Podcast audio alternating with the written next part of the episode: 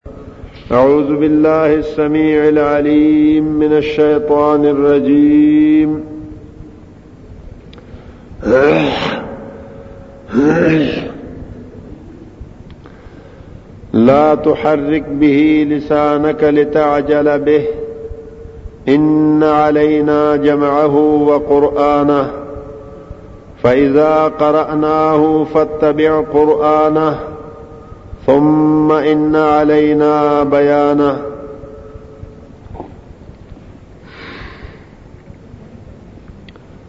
دا الله رب العالمین حمد ثنا او محمد رسول الله صلی الله علیه و آله وسلم باندې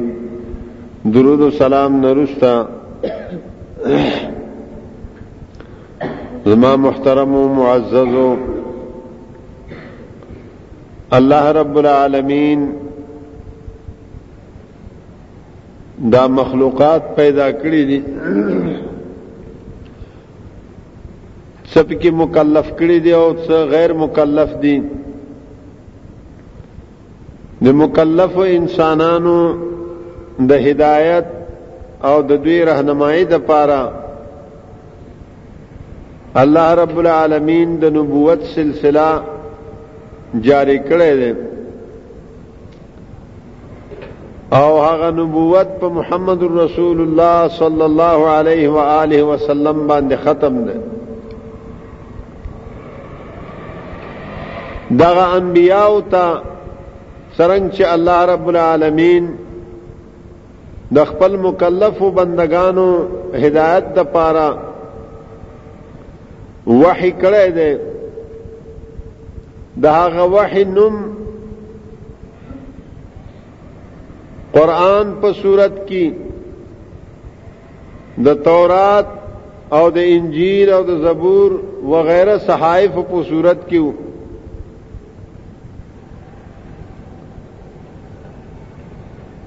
او څو واحد داسیو چې هغه د قران د تورات او د زبور او د انجیل په صورت کې نه بلکې هغه وحي د دغه انبیاو اقوال افعال او تقریرات په صورت کې چې هغه ته اصطلاحي تور باندې موږ حدیث وایو زما محترم و معزز څنګه چې الله رب العالمین د خپل کتاب وحی کړی دی وحی په ذریعه سره دا کتاب را نازل کړی دی اندارنګا د رسول الله صلی الله علیه و آله وسلم احادیث هم وحی دي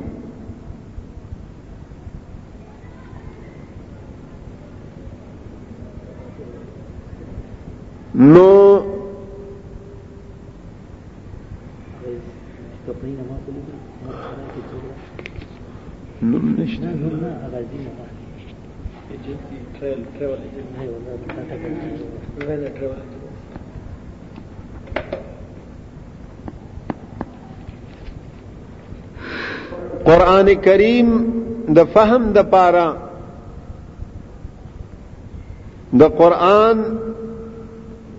باندې د عمل کولو او د قران کریم باندې پویدو د پاره د محمد رسول الله صلی الله علیه و آله وسلم تشریحات او د هغه احادیث ته ډیر ضرورت دی چې په حقیقت کې دغه د رسول الله صلی الله علیه و آله وسلم احادیث یا د رسول الله صلی الله علیه وسلم تشریح هم واحده ځکه الله فرمایي چې د دې قران پاک نازلول هم پما ده او پتا باندې لوستل هم پما ده او بیا د دې بیان هم پما ده او سوره نحل کې الله رب العالمین فرمایي وانزلنا الیک الذکر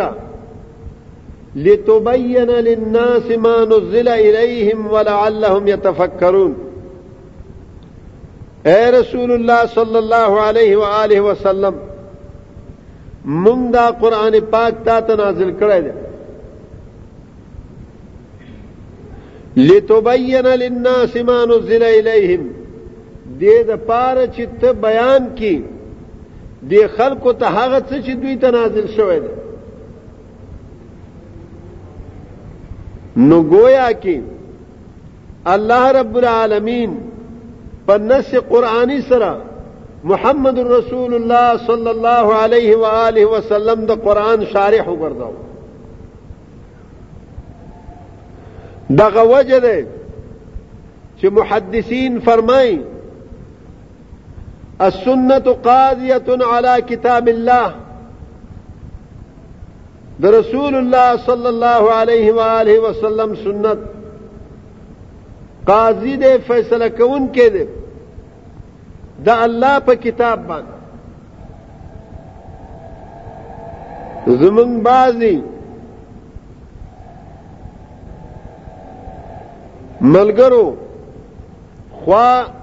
نافهمی ورته وایا یا عناد وایا یا تحریف وایا د دې جملې چې السنت قاضیه علی کتاب الله یو غلط مفهوم دې ته ورکړو صرف دې لپاره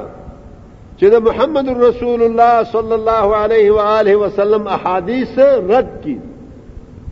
ګوروي دا الله کتاب نه مجرم ثابت کړو او رسول الله صلی الله علیه وسلم حدیث جج کړو او دا الله کتاب دغه جج په مخ کې چې کوم نه یو مجرم په حیثیت باندې ولاړ دی یعنی دا غلط رنگ ور کول یو خبره ته غلط رنگ ور کول دی ته وي دا خو صافه خبره ده چې اے انسان ته په قران باندې تر هغه وخت پورې نشي پوي دی تر څو چې د رسول الله صلی الله علیه و آله وسلم تشریح موجود نه اے انسان تا ته به د لغت د محاوراتو او د علم معنی او د علم بدیع چې تاسو وځه کړی دی د هغې په بنیاد باندې ډېری معنیګانې د دې آیات ستا ذهن ته به راځي لیکن په هغه ټولو معناګانو باندې سنت څه دی قاضي دی چې کومه معنا فیصله د رسول الله صلی الله علیه وسلم سنتو کې نو په ټولو په لغتو باندې په محاوراتو باندې د علم معنی په فیصله باندې او د بدیع په فیصله باندې هغه مقدم دی زما او ستا او د هغه مفسر او د هغه مفسر حتی چې د صحابه په تشریح باندې د محمد رسول الله صلی الله علیه وسلم تشریح مقدم ده یو مثال دې لپاره چې د صحابو د تشریح صحابو چې د آیات کم مفهوم اخسته دي باغه مفهوم باندې د محمد رسول الله صلی الله علیه و آله وسلم تشریح او مفهوم مقدم دی الله پاک مونږ ته ویلو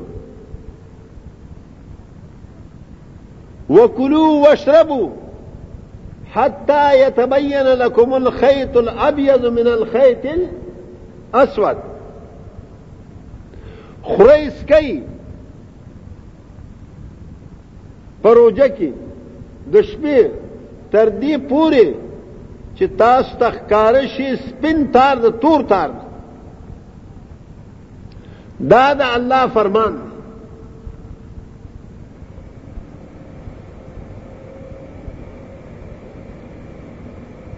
لیکن صحابه د دې مفهوم څه واخستو چا خدا واخستو سپین تار او تور تار بالغ لاندې کېغو هغه ته به کتو چا په خپل خپو باندې تور تار سپین تارو تړل رسول الله صلی الله علیه و آله وسلم ترال او هر یو خپل ماجرا او خپل قصه تیر کړه رسول الله صلی الله علیه وسلم ورته فرمایل بیا خو استاد بالغ ته دا استاد څخه ډیر فراخ درو کچته د خیتیابیز او د خیتیاسوند دغه مقصد وی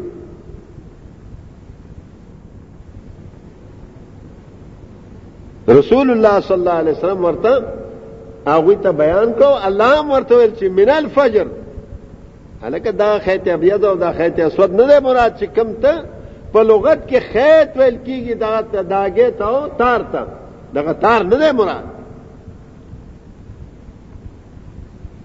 مقصد دلته دا شو دوه خبرې دلته ثابت شو یوه خبره ده چې د رسول الله صلی الله علیه وسلم تشریح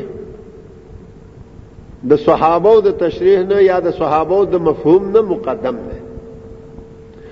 او دویمه خبره ده که یو صحابي اجتهاد وکي یو صحابي اجتهاد وکي نو د غلطیا امکان شته او که صحابي اجتهاد وکي او هغه غلط شي نو د هغه غلطي ته به غلطي وای او هغه به نه اخلو پاغه باندې به عمل نکو لکه دلته د صحابي اجتهاد وکړو خیت ابيض او خیت اسود تور تار او سپین تار د بالغ لاندې کیخل نو یقینا غلط شوی وکړ څرنګه چي صحابي مجتهد غلط کېدای شي دارنګه غیر صحابي مجتهد هم غلطېدای شي نو زما مقصد او غرض دا دی چې بعض ورونو چې السنت قاضیه علی کتاب الله د دین غلط مفهوم واخستو صرف دې د پاره چې حدیث پیرد زما محترم و معززو ما تاسو ته دا عرض وکړو څرنګه چې دا الله کتاب وحی دی دا رنګ د محمد رسول الله صلی الله علیه وسلم احادیث هم وحی یوازې دا نه چې وما ينطق عن الهوى ان هو الا وحي يوحى رسول الله صلی الله علیه و آله وسلم خبرې نه کوي مګر څه چې وایي نو هغه وحي د دین علاوه مشاهده سره ثابت دی چې د رسول الله صلی الله علیه و آله وسلم احادیث وحي کستا سو خیالي کال مخکې او که دوه کاله مخکې هم دلته ستاسو کانفرنس او ما دا خبرم دې ځای کې بیان کړو خو نن سبا د ډالډې دماغونه دي چې سبای ډوډۍ وخوري نو بیګای ته پته نه چې څه می خوړلې خو خیر دی بیا به درته بیان کو بعضی بعضی خیر دی تاسو دغه بنوم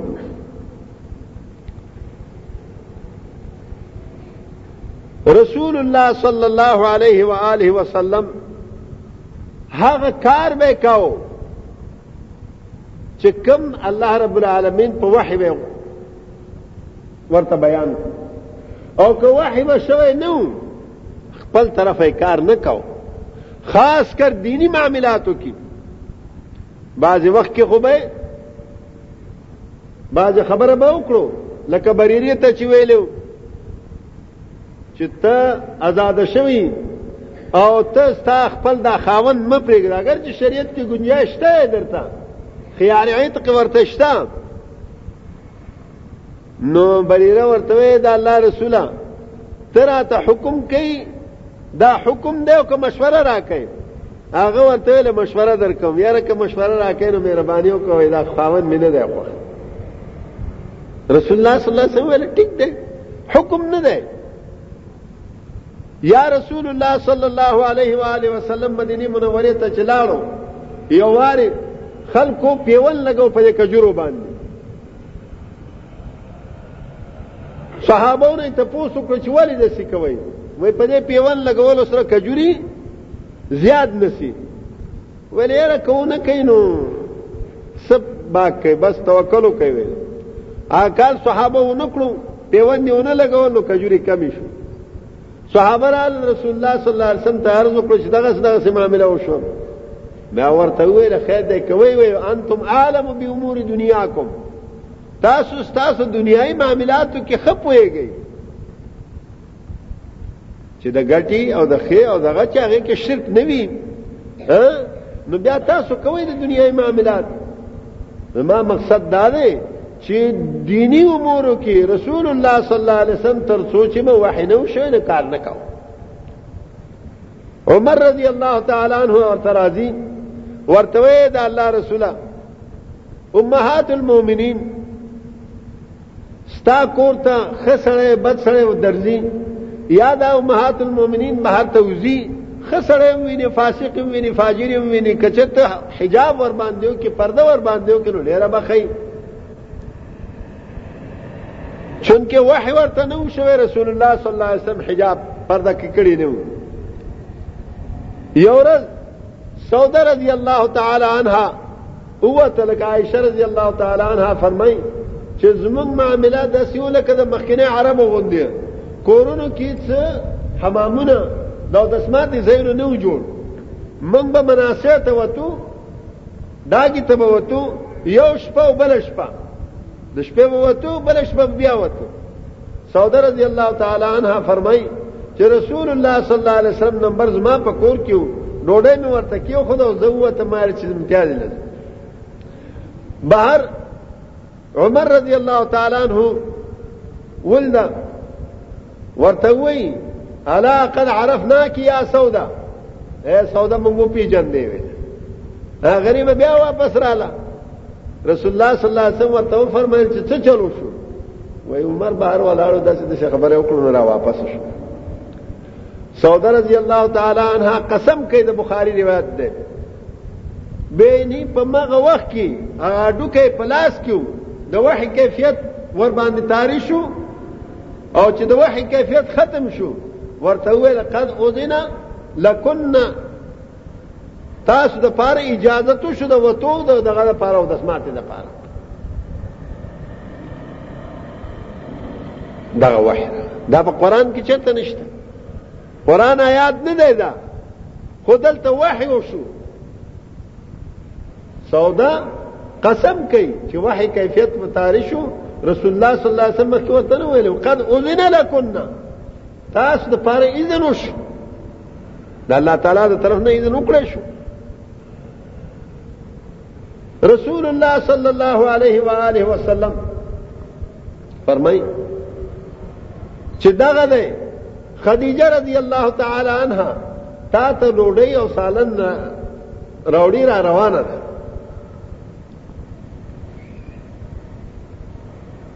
جبريل راغی ورته ویل زما سلام ورته وای دا الله تعالی د طرف نه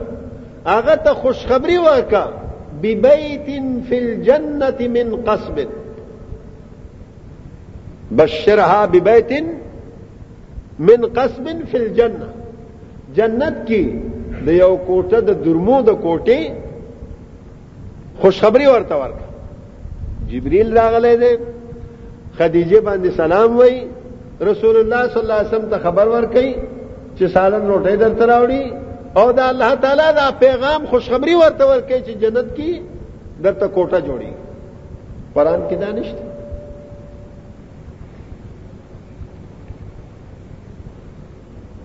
عام خلق زمونږ یو استاد به هغه به ویل د مشکاتی مولا به ویل مشکاتی مولا هغه ته ویل چې مشکاتی ویل نورې څه نه ویل نو یعنی مونږ غوندې یو کم علم کم از کم مشکات خو ویلې هغه مشکات کې به تاسو کتاب ابواب المساجد کې دا خبره لیدلې چې رسول الله صلی الله علیه و آله وسلم یو وار ناس یو يهودي راغی د صحابه مجلس کې تپوس کوي چې دنیا مکه په ټوکړو کې بهترینه ټوکړه کم یو ده بدترینه ټوکړه کم یو ده رسول الله صلی الله علیه و آله وسلم خاموش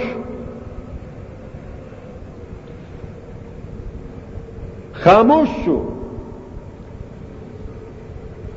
صحابه وی چې مونږ تمنا وکړو چې کاش د رسول الله صلی الله علیه وسلم نه دا تپوس نه وې شوی ځکه چې يهودي دی پیغمبر نه تپوس کوي رسول الله صلی الله علیه وسلم جواب ورنکړو نو دا خو مونږ د پاره شرم دی پدې کې جبرئیل علیه السلام رسول الله صلی الله علیه وسلم ورنه تپوس وکړو چې دا سوال را نه شوی او له ماتم پته نه لګي واپس لاړو چې واپس راغې وې د الله تعالی ته زه دومره نږدې شم دومره نږدې شم دومره نږدې شم چې د دې نه مخکې کله دومره نه نږدې شم بس ما د الله تعالی تر مینځ اویا زره پردې د نور پاتې شو نور هیڅ او راته ویلو خیر البقاع مساجدها وشر البقاع اسواقها بهترین ټوکړه د زمکو هغه جماعتونه دي او بدترین ټوکړه د زمکو بازارونه دي زما مقصد او غرض دا دی چې رسول الله صلی الله علیه و آله وسلم احادیث هم وحی الا انی اوتیت القرآن خبردار شوی ما ته قرآن را کړی شوی دی او قرآن غوندې نور هم ما ته را کړی شوی زما محترم معزز چې دا ورکړی دی چا ورکړی والله ورکړی دی وحی شو کنه شو یعنی ډیر مثالونه دي کوم دا یو مثال دا کو نو وخت به تیر شي او الحمدلله ما یو پوره مستقل رساله دې جمع کړې ده دا حدیثونه خاص کر د مسلم او د بخاری خو به هر حال ما مقصد داو چې څنګه قران وحیدین حدیث هم وحید خو دومره خبره ده لکه چې تاسو شیخ القرآن صاحب په خپل تقریر کې وویلو چې چیرې دا نه دی ویلي الله پاک چې زما اطاعت وکړي نو هغه د رسول اطاعت شو نه بلکې دا ویل دي چې رسول اطاعت وکړي نو گویا کې تاسو د الله اطاعت وکړي رسول اطاعت بعینه د الله اطاعت ده دا ولی زکه چې مونږ خپل رب وحدانیت دا الله توحید دا الله ذات دا الله صفات دا الله اسماء په څو پیجنو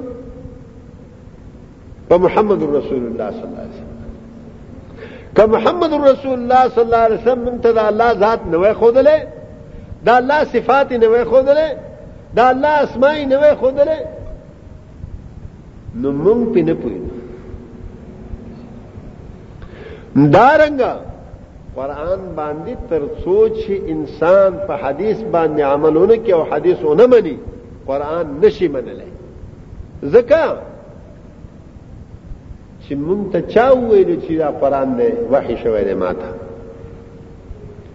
اقرا بسم ربک الذی خلق خلق الانسان من علق چې دا ټول نه مخکې دا وحی دی نو دا مونږ ته چا وویل چې دا وحی دی چا وویل چې دا وحی دی محمد رسول الله صلی الله علیه وسلم کوم محمد رسول الله صلی الله علیه وسلم صادق وګڼو داغه خبره ته د هغې تصدیق وکړو نو پس د هغې نه د قرآن تصدیق کولی شو او که د محمد رسول الله صلی الله علیه وسلم تصدیق ونه کړو نو موږ قرآن تصدیق نشو کولی یو منکر حدیث و کراچی کې ما سره ډېر او دوه ګنټې را سره لګیا او خبرې اترې کولې کولې آخر ما ورته ویل زه ته راته دا ثابت کا ما ورته ویل ته راته ثابت کا چې دا قرآن د الله کتاب دی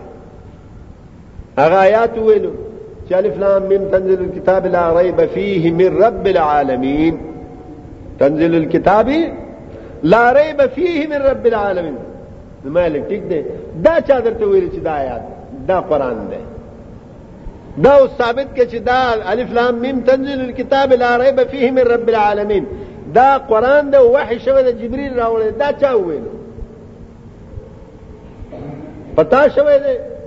نه ستا په پلار شوه دې نه ستا په نیکه شوه دې نه اخر پچا شوه دې محمد رسول الله صلی الله علیه وسلم ته خو محمد رسول الله صلی الله علیه وسلم خبره حجت نه غني مقصد زما دا دی چې حجت د رسول الله صلی الله علیه وسلم حدیث چې حجت نه منلې قران حجت نشي منلې سوال نه پیدا کیږي څنګه به ومني دا تفصیل د توحید محمد رسول الله صلی الله علیه وسلم ډېر قومونه داسې دي چې د توحید په نوم باندې توحید په نوم باندې کافر شوی دي توحید په نوم باندې کافر شوی دی او ټول دنیا ورته کافر ویلې حتی چې بعضی عمراو لکه جعد ابن درهم هغه قرباني کړی دی حلال کړی ولی چې دا هغه د الله کلام نه توحید په باندې باندې دا الله صفات پر خود وای دا الله لاس نه منوي ولی د دینه تجسیم ثابتېږي بیا مجسمه کیږي دا الله خطل نه منو وي ولی نه مني ځکه وای د د مخلوق سره مشابهه لازمي دا الله سترګه او دا الله رب العالمین پندای دا وای نه منو ځکه چې وای د دینه مشابهت ثابتېږي د انسان سره حالان کې الله وجود یعنی موجودواله موږ منو او کنه منو الله موجود دی او کنه دی موجود دی او ته موجود یې او کنه ته موجود یې او الله موجود دی نو دلته مشابهت راځي نه قطعا نه راځي د الله تعالی موجودواله کما یلیق بشانه څنګه چې د الله رب العالمین شان سره لایق او زما او ستا موجودواله څنګه چې د یو انسان د موجودواله سره یاد وساتئ الله وو دی ویبا الله موجود وو موجود دی موجود وی وی به زه نوم موجود شم بیا به نه زه انسان يم ګره مخلوق يم مخلوق نو پیدا شو بیا به نه او الله رب العالمین وو د ویبا بوشي الله وو دی ویبا او مو نو شو نه به واضح خبره ده یعنی د الله لاس لکه چې الله پاک وایي بل یداه مبسوطتان دا الله دواړه لاسونه فراغ دي څنګه چې دا الله رب العالمین د ذات سره د هغه د عظمت سره د هغه د لوی سره لاس مناسب وي کیفیت نه دی معلوم او که څوک دا نه مني پڅې نه مني وای توحید الله منزه کو د چشنه د تشبیه نه او د تجسیم نه الکه مونږ هم مجسم دغه منزه کو د تجسیم او د تشبیه نه الله پاک په یو آیات کې دواړه خبرې نه اثبات هم کړی دی نفي هم کړی دی اے انسان ته الله څه وایي سميعا بصيرا وایي انا خلقنا الانسان فجعلناه سميعا بصيرا موږ انسان پیدا کړی دی الله وایي او دا انسان هم سميع او بصير ګرځولای او الله ذات خپل ذات ته پاره څه وایي ليس کمثله شيء وهو السميع البصير سميع بصير د چا صفت شو د الله او سميع بصير د چا صفت شو د انسان لیکن د الله سميع بصير کېدل او د انسان سميع بصير کېدل کې فرق ليس کمثله شيء وهو السميع البصير د الله سميع بصير کېدل تشبيه د انسان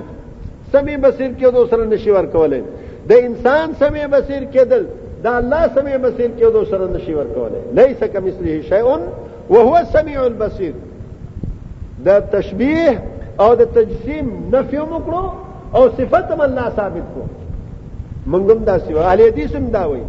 چې الله دا ټول صفات مونږ منو د ید لا صفت منو د کونډې صفت منو د رجل وکلم الله موسی تکلیما لیکن دا الله کلام او د مخلوق کلام کې فرق دا الله متکلم والے او د مخلوق متکلم والے کې فرق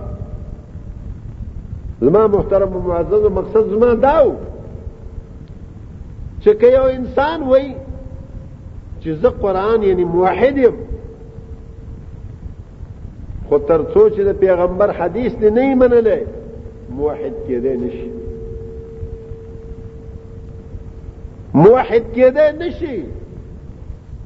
ته په فلسفه باندې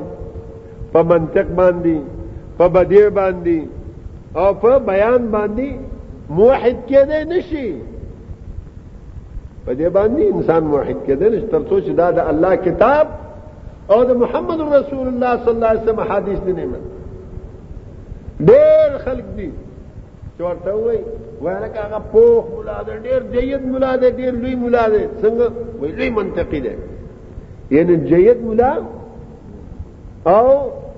خمولا جامع مولا څوک دی چې لوی منطقي او چې قران ته پوسو کې هیڅ پته نه لري دوی نه چې ته پوسو کې وای منطق ته لپاره وای وای الله وجود ثابت او چې الله موجود میان نذیر حسین رحمه الله د اهل حدیثو مشر دی غالباً په هندوستان کی مسلک اهل حدیث عمل بالحدیث د میا نذیر حسین رحم محدث دهلوی رحمه الله د وجه نه راغلی دا د دهلی مناطقه راغون شول وای د حدیث حدیث او قران قران وای راشه چې دا الله وجود ته پوښتې وکړو د څنګه الله ثابتې د عقل نه دي ثابت کړه ځکه چې دا خو معقولیانو غون شو خلک ناس مې نظر حسین صاحب ته ویل چې ته الله ثابت کا عقل باندې ثابت کا نقل پرې ده خاوې لري د سوره ابراهيم یو آیات ورته ویل انیم آیات اف الله شک فاطر السماوات والارض اف الله شک فاطر السماوات والارض پاغه ذات په باره کې شک کېدای شي چې د اسمانونو او د ځمکو پیدا کونکي د مناطقو محور څه دی هغه چې دا خپل دلایل دا دا کې تاو راتاو کې تاو راتاو کې تاو راتاو کې ها قضیه جوړ کې محمول او موضوع جوړ کې صغرا او کبرا جوړ کې نو نتیجه اندقه وباسي چې دا یو مصنوع دی دا کائنات او دې د پاره یو ثانې پکار دی او ثانې چې موږ ګورو څوک نشته داس یو ذات منل پکار دی چې دا دا سره کړی دا زمکه اسمانونه پیدا کړی دا ټول د دې دلایل نو بل باب دا او الله په دوه ټکی ختم کړی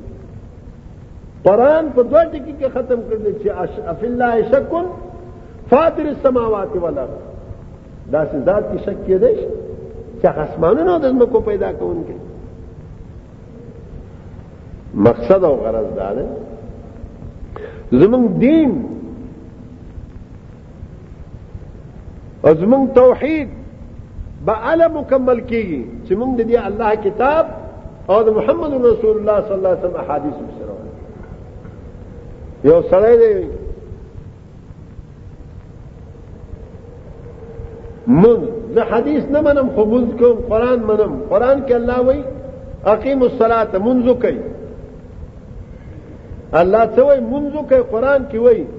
الله وایي واتو زکات زکات ور کوي منځ کوي زکات ور کوي الله وایي ولله علی الناس حج البيت من استطاع الیه سبیلا الله د پاره په خلکو باندې څه شه ده قصد کول دی بیت الله ته چې څوک طاقت د لارې لري من شهد منکم الشهر فليصمه اخر د دې د روزه به څنګه نشي سړی او روزه وای څه تا الله وای چې اتم الصيام الى الليل روزه تر بیګای پوری پورا کوي تاسو هرکه روزه څه شي ده اخر دا روزه ما او تا ته څوک خي که قران صرف وي اني نظرت للرحمن صوما فلن اكلم اليوم انسيا ما الله لپاره د روزه نظر کړی دی نن به چا سره خبرې نه کوم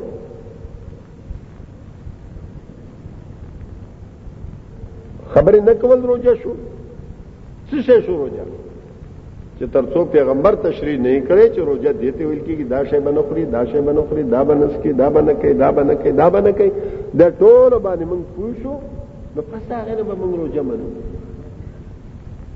کله قران نه دي څوک ثابت کی قران نه څوک نشي ثابت قران د تشریح د پاره د حدیث ضرورت همدارنګ مون الله وی اقیم الصلاه دا اوس پته الله قران کې چت دانه دی ویلي چې سبا دوه رکعات فرض وکړي د مسپخین څلور رکعات فرض وکړي د مازدیګر څلور رکعات فرض وکړي د ماخام درې رکعات فرض وکړي د سبا د مخستن بیا څلور رکعات وکړي دا په قران کې هیڅ ځای کې نشته الله پاک وایي چې منځ وکړي ها څنګه وکړو دا رکعاتونو خو څلور دغه څو شو نو بیا ابتدا د کم ځای نو کو څنګه ابتدا وکړو تکبیر تحریمه چل چاو خو د رکوع چل چاو خذلو د سجده چل چاو خذلو رکوع کې وینا سجده کې وینا ایا لکه رکوع مخ کې کو کو سجده مخ کې کو ها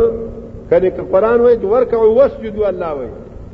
اول رکوع ذکر کړی دی بیا سجده ذکر کړی ها الکه رکوع چې یو کو دوو کو سجده یو کو دوو کو سرنګ کو لیکن محمد رسول الله صلی الله علیه وسلم عملی طور باندې مونږ ته خودلې ده چې داسې منځ کوي رسول الله صلی الله علیه وسلم په منبر باندې وختو او منځ وکړو کله چې سجده ته تلو نو منبر نه بکوش شو چې کله منځ پوره کړو ايها الناس انما صنعت هذا لتاتموا بي ولتعلموا صلاتي اے خلکو ما دا کار وکړو دې لپاره چې تاسو زما منځ پیژنئ او زما اقتدا وکړئ او بیا بل حدیث کې وایي چې صلو کما رایتمونی اصلي دا سي منځو کې څنګه چې ما وینې په مان زمان زکه چې الله خو اقیم الصلاه ویل دي منځو کې او قیامت پر ادم تر تپوز بندا کیږي چې لما فعلت او کیف فعلت ولې دې کړه دې او څنګه دې کړه دې مونږ دې ولې کړه دې او څنګه دې مونږ کړه دې دا تپوس به الله رب العالمین کې دارنګه زکات ورکوي الله پاک واتو زکات زکات څنګه ورکم په څومره مال کې ورکم څومره ګډو کې څومره وزو کې څومره غوایانو کې څومره په سپینو زرو کې څومره سرو زرو کې او څومره غلي کې څنګه ورکم چې څومره شی ورکم څومره شی وباسم دا قران چرته تفصیل نه دی کړی که ددې تفصیل کړی دی خو احادیثو کړی دغه وجه دی چې د قرآن د فهم د پاره د قرآن پوهې د پاره د قرآن د تشریح د پاره د محمد رسول الله صلی الله علیه و آله وسلم د حدیث ضرورت او که حدیث نوی من یو عمل حتی چې ما درته ویلو کنه عقیده موږ عقیده نشته قرآن نازلېدو صحابه چا به ویل افلا و ابيه پلار په نوم باندې به قسم وکړو د یو شي په نوم به قسم وکړو په بل شي په نوم به قسم وکړو رسول الله صلی الله علیه وسلم هغه نه منع کړ چې لکه دا شنه د شو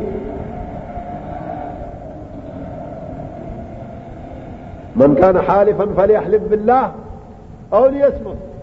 که څوک قسم کون کې نو د الله په نوم دیو کې ورنه چت شي د قسم طریقه رسول الله صلی الله علیه وسلم ته خو د نور نور شیونو بعض خلک وایي یا لکه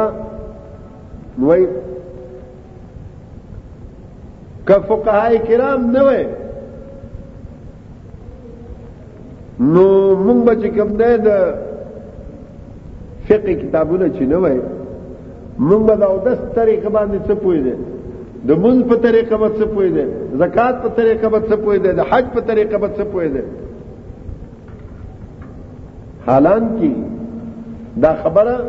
دا داوا غلطه ده ځکه چې احادیث کې نه وي د فقهاو با دا د موږ طریقه د کم ځای نه راوښته دا د او داس طریقه به کم ځای نه بیان کړي د زکات طریقه به کم ځای نه بیان کړي دا خو احادیثو کې دا چیزونه موجود وو په احادیثو کې دا بیان موجود وو د مانزه بیان موجود وو د زکات بیان موجود وو او د حج بیان موجود وو نصاب موجود دا غوجو چې رسول الله صلی الله علیه و آله وسلم چې دا بیان کړو فقها دا غینه استنباط وکړو فقها دا غینه مونږ ته بیان وکړو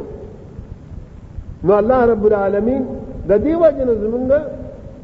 دا دین دا کړ مونږ دا خبرې نو انکار نکو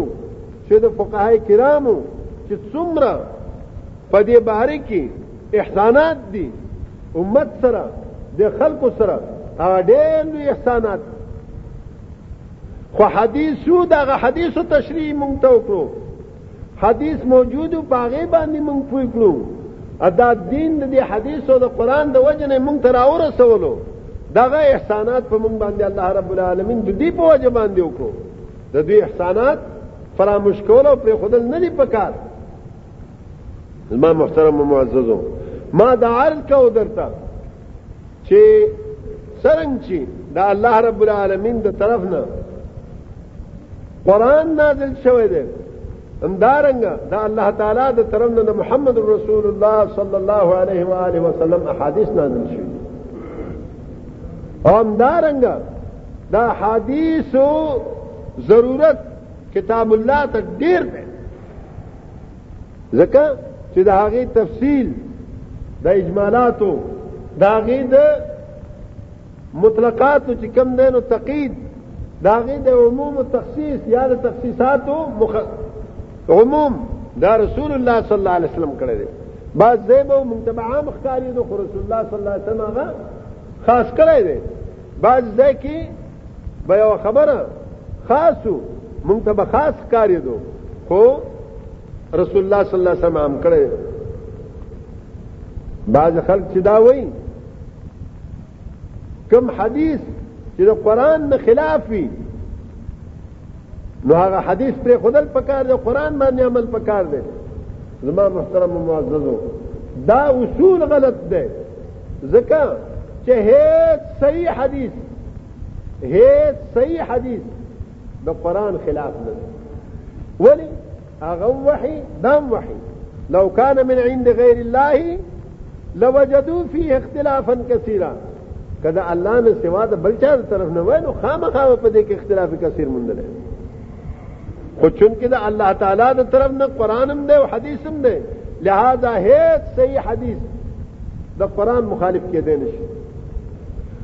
د قرآن مقابله کې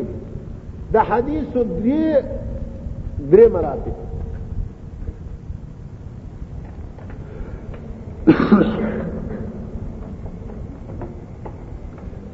یا به حدیث قرآن په مقابله کې د حدیثو درې مراتب دي یا به حدیث د قران موافق وي حدیث قران چې څه وایي مغه خبره به حدیث هم کړي یا به حدیث د قران د اجمال تفصیل یا د اطلاق او تقید یا د عموم تخصیص او د هغه تشریح به مونږ ته چې کم معنا ښکاری هغه معنا به مقصد نه چې پیغمبر کوم خبره کړې دا قران به هغه مقصد دی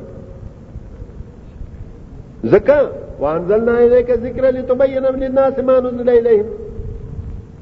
پیغمبر شارح الله ګرځولې دي چې کومه خبره پیغمبر وکړو نو دا قران مقصد به مقی او یا به حدیث شامل وي په یو امر زائد باندې قران به ساکت وي داغه نه قران به داغه بحث نه کړي حدیث به یو امر زائد ذکر کړي دغه درې حالات به یا موافق د قران سره یا د قران تشریح او یا امر زائد د قران د دې دریو حالاتو نه حدیث خالی نه د قران په مقابله کې نو زما مقصد دا و چې د قران د تشریح د پاره د قران د فهم د پاره د احادیث ډېر ضرورت د صرف او نحو د معنی او د بدیع دومره ضرورت د قران فهم د پاره نشته څومره چې د حدیثو د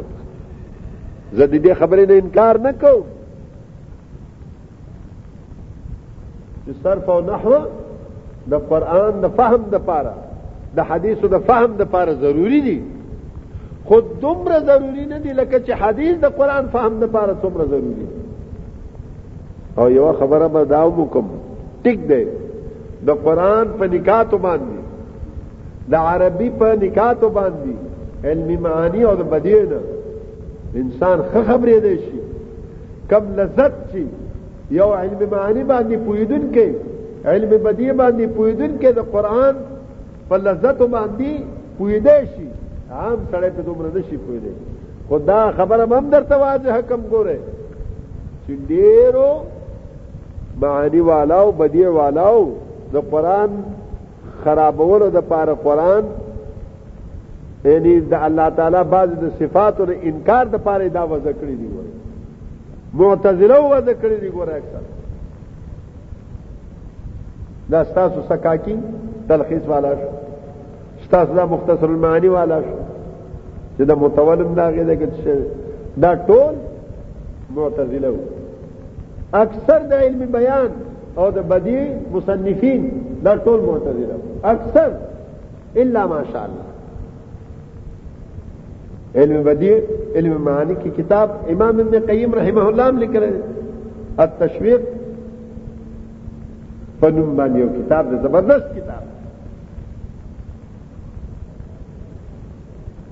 مقصد دا دی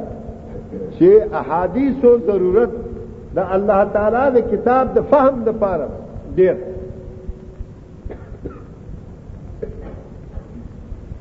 زما محترم معزز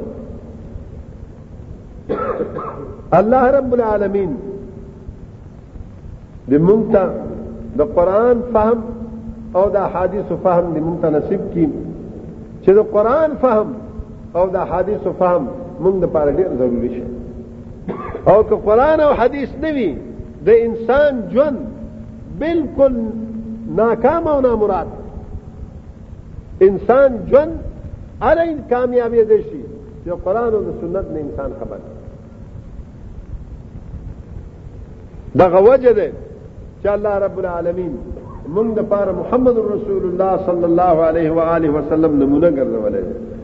نمونه ځکه ګرځولې ده چې قران په کم کم آیات باندې چې تعامل کول غواړي نو هغه چې رسول الله صلی الله علیه و آله وسلم داغه تشریح نه کړي داغه باندې عمل نشي کوي کله ترغیب او ترهیب وی یو شتا فضیلت الله بیان کړی چې مثلا صدقه صدقه وکي د صدقه فضیلت الله بیان کړی تا ته حکم کړی دی نو څنګه صدقه وکي پچاو کی دا رسول الله صلی الله علیه وسلم دا تشریح کړی د الله پاک د جهاد فضیلت بیان کړی چې په خپل مال او اولاد جان سره جهاد وکړي نو جهاد څه ته وایي څرنګه جهاد وکړو الله پاک د هجرت فضیلت بیان کړی دی چې د هجرت تشریح رسول الله صلی الله علیه وسلم نه کړل نه شو کولای چې کوم ځای نه بکې څه حالت کې بکې او څه غرض د پاره به کې هجرت کې او څه غرض د پاره به جهاد کې مونږ خدا وایو کنه جهاد صرف یو جنگ نه نه جهاد صرف جنگ نه دی جهاد مقصد صرف کافر مړکول نه دی د جهاد مقصد چې کوم رسول الله صلی الله علیه وسلم بیان کړی هغه دا دی چې د کافر شرط دباول دي د کافر شر د مسلمان نه دباول دي کله الله دین ته ننوځي او کنه ننوځي که دین ته ننوتو خو فبها ونعم او که دین ته ننوتو ستا بالا دستی وي او د هغه شر دباو شي بیا هم جهاد بس خامخا وجل دا غي ضروري نه ده چې ته خامخا غوي رسول الله صلی الله علیه وسلم فرمایي چې کله لار شي دعوت به ورکوي دین ته یا به در سره ومني او که دعوت در سره ونه منلو ورته وایي چې جزیه قبول کا زما ده حکومت لاندې راشه کاغه در سره ومنل بیا یې پرې دی او کدا دوه خبرې در سره ونه منل درېمه خبره څه شي بیا جهاد دعوت دین ته اسلام کاغه ومنلو بیا د جنگ او داغه د وجلو حق نشته پتا با او کاغه نه علاوه هغه چې د جزیه منم دین به مخفلی خو بس تا ما ته حد موسیګم بیا هم ټیک دی الله رسول درته دا نه وای چې خامخا دې دا ککرې ولا او کدا دوه کار در سره نه کولو دریم کار داغه وجه هغه سره قتال کول دی هغه سره جهاد کول ما مقصد دا چې رسول الله صلی الله علیه و آله وسلم جهاد طریقې مخ خو دي او رسول الله صلی الله علیه وسلم موږ ته دا واضح کړی دی چې میدان جنګ کې به څوک وژني او څوک به نه وژني لکه وایي چې ماشومان به نه وژني ښځې به نه وژني بوډاګان به نه وژني دا تعلیم د جهاد تعلیم هم موږ ته رسول الله صلی الله علیه وسلم راکړی رسول الله صلی الله علیه وسلم وایي کله چې دشمن ته نږدې شي اله په گزار کوه اله په ډز کوه اله په تیر چلاوه دا سينه چې دشمن باندې ونه لګي او تاسو را مشن ختم شي مقصد دا دی چې د جهاد تشریح رسول الله صلی الله علیه وسلم ته کړی د هجرت تشریح رسول الله صلی الله علیه وسلم ته کړی د هر شي تشریح مونږ ته رسول الله صلی الله علیه وسلم کړی ودونه الله پاک وایي چې فن کې هم تاب لكم من النساء مثنى وثلاث ورباع رکه کله خځې سره وکړو نکاح نکاح څنګه دی د نکاح طریقې کوم خځې سره کول کم حرام دی کم حلال دی ها څنګه چې الله پاک بیان کړی دی رسول الله صلی الله علیه وسلم بیان کړی دی ما درته عرض کړو چې دا الله کې رسول الله صلی الله علیه وسلم حدیث یا به موافق وي دا الله تعالی د کتاب محرمات الله هم ذکر کړی او رسول الله صلی الله علیه وسلم ذکر کړی یا به زائد وي د امر زائد به بعض چیزونه الله پاک څه ذکر کړی بیا وی وحل لكم ما وراء ذلكم د دین علاوه تاسو لپاره حلال کړی او مخکي ترور دا رسول الله صلی الله علیه وسلم حرام کړی قران کې چرته نشته دې حرمت چې ترور سره چې کوم نه دا اوریرا ترور خورده دا به سره یو ځای نه کوي دا قران کې چرته هم نشته او حالان کې قران دا معلومیږي چې دا چې کوم ذکر شو د دین علاوه ټول حلال دي چې ټول حلال دي نو ترور او خرزه د دادوار چې کوم نه یو ځای اخستې شي نه لیکن رسول الله صلی الله علیه وسلم باندې کړی موږ دا امر زائد شو زائد امر شو دی د حد د قران ولې دا به نه منو دا به چې د قران مخالف دی بعض خلک وایي د قران مخالف چې نه به منستد مقصد دا وی چې لکه د فاتحه سره ډز دي فاتحه سره ډزې دي نو وای دا قرآن قرآن فاستمعوا له وانصتوا لعلكم ترحمون دا قرآن آیات دی لہذا حدیث به نه منو هرکه چې حدیث نه مني ټیک دی تاسو سره به موږ ومنو الله پاک وایي چې یوسیکم الله فی اولادکم للذکر مثل حظ الانثیین الله وصیت کوي تاسو ته یوسیکم الله استاذ د اولاد مبارک للذکر مثل حظ الانثیین د نر د پاره دو حصے ده جنه دي دا عام حکم دی څوک چې مستثنا نه دي لیکن حدیث څه دوی نحن معاشر الانبیاء لا نرث ولا نورث ما ترکنا صدقه چې موږ څه پریدو هغه ټول صدقه ده او نن موږ میراث څوک وړي شي او نن موږ د چا نه میراث وړو کوي چې یعنی د قران مخالف دی نو حدیث به نه منو بیا خو بشیاګان خوړي به بشیاګانو خبرې منئ هغه وی چې ابوبکر او عمر دغه ته میراث نه دی ورکړی وی فاطمه ته رضی الله عنها لہذا وی غاصبان او ظالمان او فلانه او فلانه وی دا لار خو تا ورته اموار کو چې حدیث د قران مخالف وي نو هغه باندې منو الکه مخالف نه ده انصاف دار دا مخالف نه ده دا الله تعالی د کتاب عموم تخصیص په قران سره کې الله پاک رسول الله صلی الله علیه وسلم شارع ګرځولې او ستام قانون د زمونږم دا یو عام قانون دی چې ولې شارع یو خصص شی هم شي دون شی شارع لپاره جایز دی چې تخصیص کې د یو شی نه ده بل شي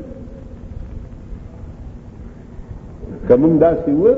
نو خو بیا په کار دا دی چې همدارنګه الله پاک د مور پلار د پاره وصیت خودلې مور پلار د پاره وصیت خودلې چې تاسو به مور پلار د پاره وصیت کوئ لیکن رسول الله صلی الله علیه و آله وسلم فرمایي چې الا لا وصیت لوارث وارث د پاره وصیت نشته ولی منی بیا خو پکار دا دی چې دا حدیث د قران خلاف دی به منه بیا اول څه منی په خپل کتاب همدارنګه رسول الله صلی الله علیه و آله وسلم د قران تشریح کړی دی قران کې وصیت ذکر کړی دی من بعد وصیت توصون بها او دین میراث به اله تقسیم وای چې وصیت کړی وي هغه وصیت پوره کی او یا قرض وینو هغه قرض پوره کی قرض ورکا وصیت پوره کا پس هغه نه به ته څه کوي میراث به تقسیمه یو سړی د ټول مال وصیت کې ټول مال د الله په پنامه شو وارثانو ته یو ټکی نه ورکوم خپه دی چې پلار نوم خپه دی رونو نوم خپه دی زامنو نوم خپه دی د مرګ په وخت کې هغه وصیت کې چې ټول مال دې دغه تلاش ځکه چې الله ویل دې توسونه بیا وصیت کوم کېدای شي دا دا خبره مني دوی ورته نه एकदम به وای چې نه سلس نه زیاده وصیت نه کیږي دا ټوله دنیا وای چې د سلس نه زیاده وصیت نه کیږي دا ولی الکه د قران خلاف دی ولی مني خو زه درته وایم کنه چې کم ځای کې د دوی طبیعت نه مني الته وای چې د قران خلاف دی دا بنم د ټولو نه لوی دشمنی ورته وای او که نالګي ورته وای په فاتحه سره ده الکه فاتحه ته ګناه کړی دی چې لکه هغه ځای کې ته وایي چې قرآن د مخالف دی او بیا منی دغه حدیث دا دوه درې مثال چې ما پیش کړو ته وایي چې قرآن د مخالف دی او بیا منی نو دلته هم وایه که حالانکه د قرآن د مخالف هم نه دی خپله په دې فقه کې یعنې خپله د اصول فقه کې دا وایي واذا قرئ القران فاستمعوا له وانصتوا او فقروا ما تيسر من القران دا دواړه سره ټکراو دي ځکه چې فقروا ما تيسر من القران د خپل عموم د وجنه مقتدی او امام او منفرد او هر څه دا ټول ته شامل دي چې قران لولي څومره چې درته آسان دي څه چې درته آسان او اذا قرئ القرآن فاستمعوا له د خپل خصوص د وجنه وای مقتدی او باس لہذا د دوالو په بیس کې ټکر راغی تعارض راغی دوالو په ځای پات شو نو خدا خو په ځای پرې خې نو ولی راته چې کوم نه نیغ نیغ کوي مونږ خو په ځای نه پرې دي مونږ خو چې لا تدریمو کتاب الله بعضو به بعض دا الله کتاب بعض په بعض باندې مو وایي هغه په خپل ځای کې عمل وکړي په دې باندې په خپل ځای کې عمل وکړي په حدیث باندې په خپل ځای عمل وکړي په قران باندې په خپل ځای عمل وکړي چې رسول الله صلی الله علیه وسلم دا آیات ور باندې نازلو د دې آیات په معنا باندې پوهیدو الله دې آیات